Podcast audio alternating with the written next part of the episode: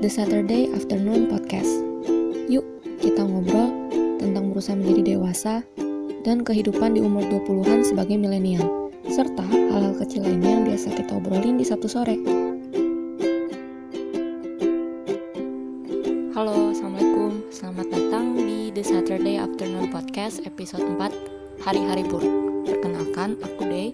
Kalau kalian udah pernah dengar episode-episode sebelumnya, selamat datang kembali uh, beberapa bulan lalu aku ngerjain tugas akhir untuk waktu sekitar satu semester. Dan di tengah-tengah enam bulan itu aku ngerasain hari-hari yang menurut aku bukan hari yang ideal. Aku nggak produktif aku nggak menjaga diri aku kurang melakukan kontak dengan dunia luar dan cuma ngurung diri aja di kosan. Padahal beberapa hari sebelumnya aku baik-baik aja loh. Nggak ada kejadian hebat yang terjadi yang merubah hidup aku mendadak gitu atau gimana? Aneh banget. Kalau dianalogikan seakan-akan hidup aku ada tombolnya dan saat itu tiba-tiba ada yang mencet tombol off. Kalian pernah ngerasain begitu nggak? Hari-hari buruk ini sebenarnya bukan sesuatu yang baru. Semua orang pasti pernah merasakan hari-hari yang spesial dan kebalikannya hari-hari yang buruk Hmm, mungkin itu adalah di mana semua hal kayaknya fell into the deepest pit. Kata orang kan hidup itu kayak roda, kadang di atas, kadang di bawah. Tapi aku baru sadar kalau hari-hari buruk itu ada dan menghadapinya secara sadar itu ketika aku mulai kuliah mungkin kan aku nggak kos kali ya jadi mau saat bahagia atau saat sedih tuh kebanyakan aku alami sendiri dan harus aku urus sendiri gimana jalan keluarnya. Salah satu hari buruk yang paling aku ingat adalah saat tahun pertama kuliah. Nggak tahu kenapa waktu itu kayak ngerasa berantakan banget. Tugas-tugas nggak ada yang selesai mau seberapa pun usaha yang aku keluarkan untuk mengerjain tugas-tugas itu. Nilai-nilai aku jelek hubungan dengan teman-teman dan keluarga juga jadi agak memburuk. Terus badan aku akhirnya drop dan jadinya sakit. Gara-gara sakit itu aku jadi semakin mengabaikan banyak hal karena badannya aja udah lemes gitu kan. Aku mengabaikan tugas mengabaikan kebutuhan diri mengabaikan teman-teman, mengabaikan sekitar. Ingat banget waktu itu cucian aku tinggal, kamar nggak pernah disapu, sakit tapi nggak bisa ke dokter, minum obat pun nggak mau. Terus apa ya, lama-lama uang saku aku habis karena dipakai buat beli barang-barang aneh yang aku kira tuh bisa tanda kutip menyembuhkan aku, tapi sebenarnya enggak meskipun ada teman-teman yang menawarkan untuk membantu tapi aku pun gak mau gitu karena udah telanjur apa ya gak mau kontak aja dengan dunia luar.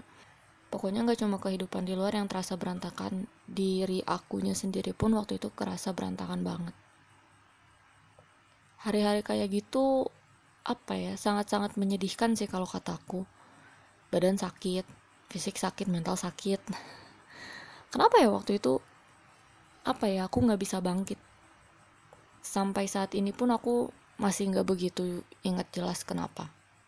Terus ada lagi hari-hari buruk yang terjadi sama aku yang terakhir aku ingat itu adalah uh, beberapa bulan sebelum sidang akhir waktu itu aku nggak tahu kenapa perlahan aku jadi stres terus jatuh ke males makan.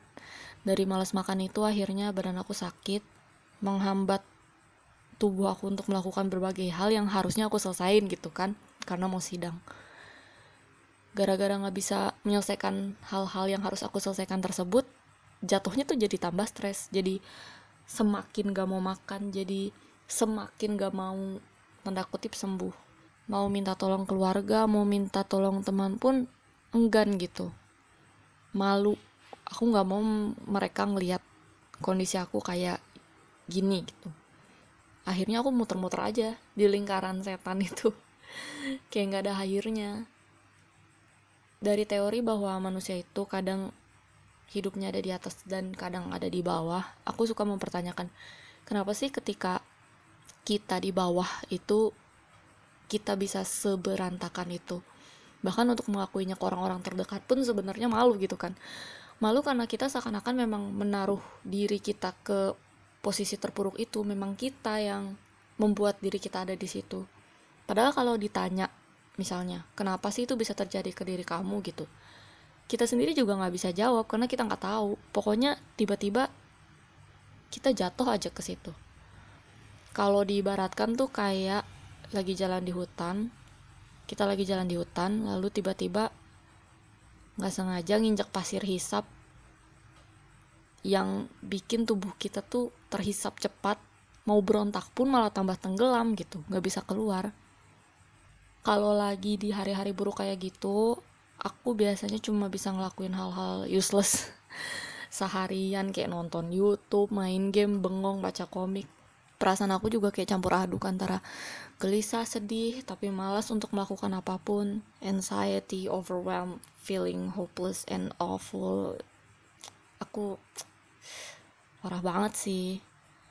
Aku berusaha untuk mengalihkan pikiran aku biasanya dengan nonton YouTube, nonton video yang happy-happy gitu, tapi nonton video yang happy happy gitu tapi malah melihat apa ya kayak orang-orang di luar sana tuh bisa happy terus kenapa gue nggak bisa?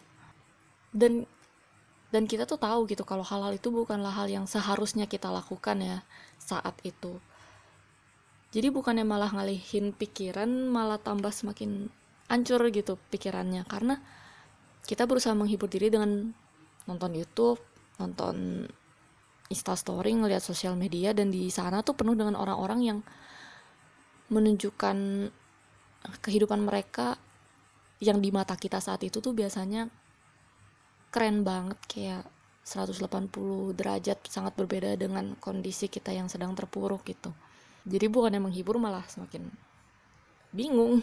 Padahal kalau dipikir-pikir semua hal hal buruk itu mungkin cuma dari kepala kita aja ya enggak sih kayak di dalam pikiran kita tuh semuanya kelihatan jelek, gagal, buruk, tidak bisa diperbaiki gitu. Padahal mungkin dari luar itu nggak kayak gitu. Mungkin di luar itu cuacanya lagi cerah, kondisi lingkungannya lagi enak, angin lagi sepoi-sepoi, teman-teman lagi seneng, keluarga lagi seneng. Bahkan mungkin hari di mana kita merasa buruk itu hari yang paling indah gitu sebenarnya. Tapi kitanya aja, kita dan pikiran kitanya aja yang memilih untuk berpikiran buruk. Terus gimana? Selanjutnya apa?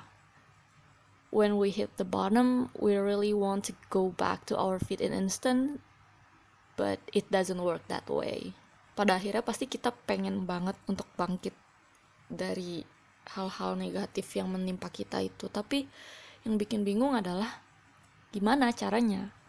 Jujur kalau aku misalnya ditanya ya, diminta untuk menjabarkan tentang bagaimana cara untuk bangkit ya dalam tanda kutip. Aku ngerasa nggak bisa memberikan jawaban yang pasti berhasil apalagi ngasih saran asal-asalan gitu. Karena aku percaya bahwa cara orang bangkit itu beda-beda. Yang mungkin berhasil di aku belum tentu berhasil di orang lain begitupun sebaliknya. Dan menurut aku di situlah perjuangannya.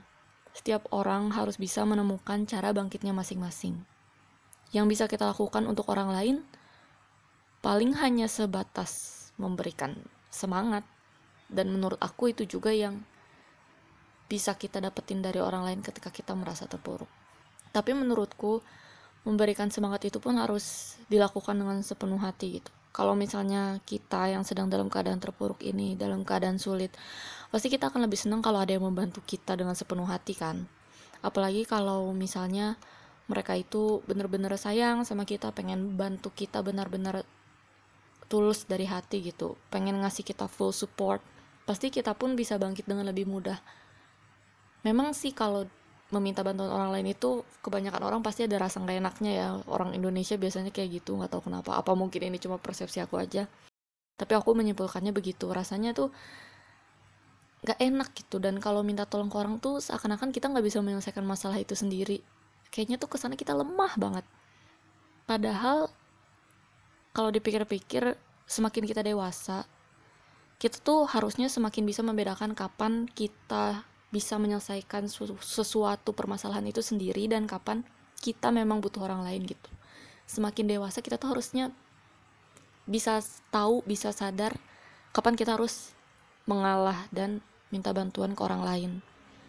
Apalagi hidup di dunia ini tuh nggak sendiri kan hidup di dunia ini tuh berdampingan dengan banyak hal.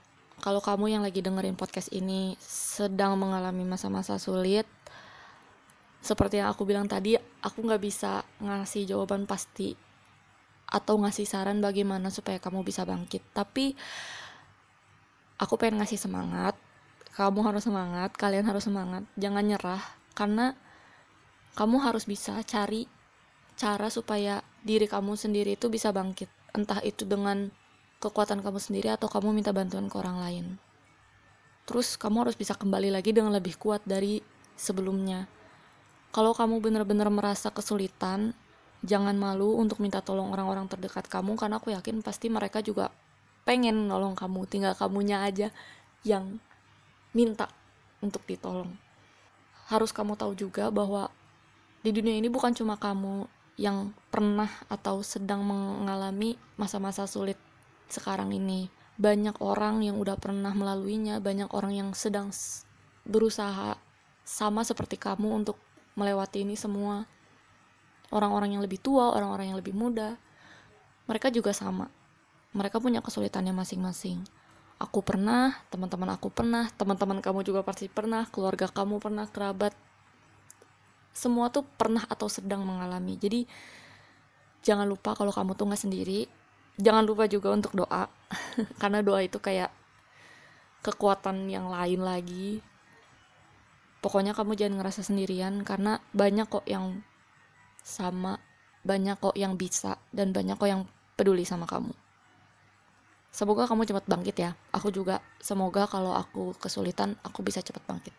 Pokoknya semangat ya buat kita semua life is hard tapi ya kita semua hidup barengan di sini kalau orang lain bisa pasti kamu aku kita juga bisa good luck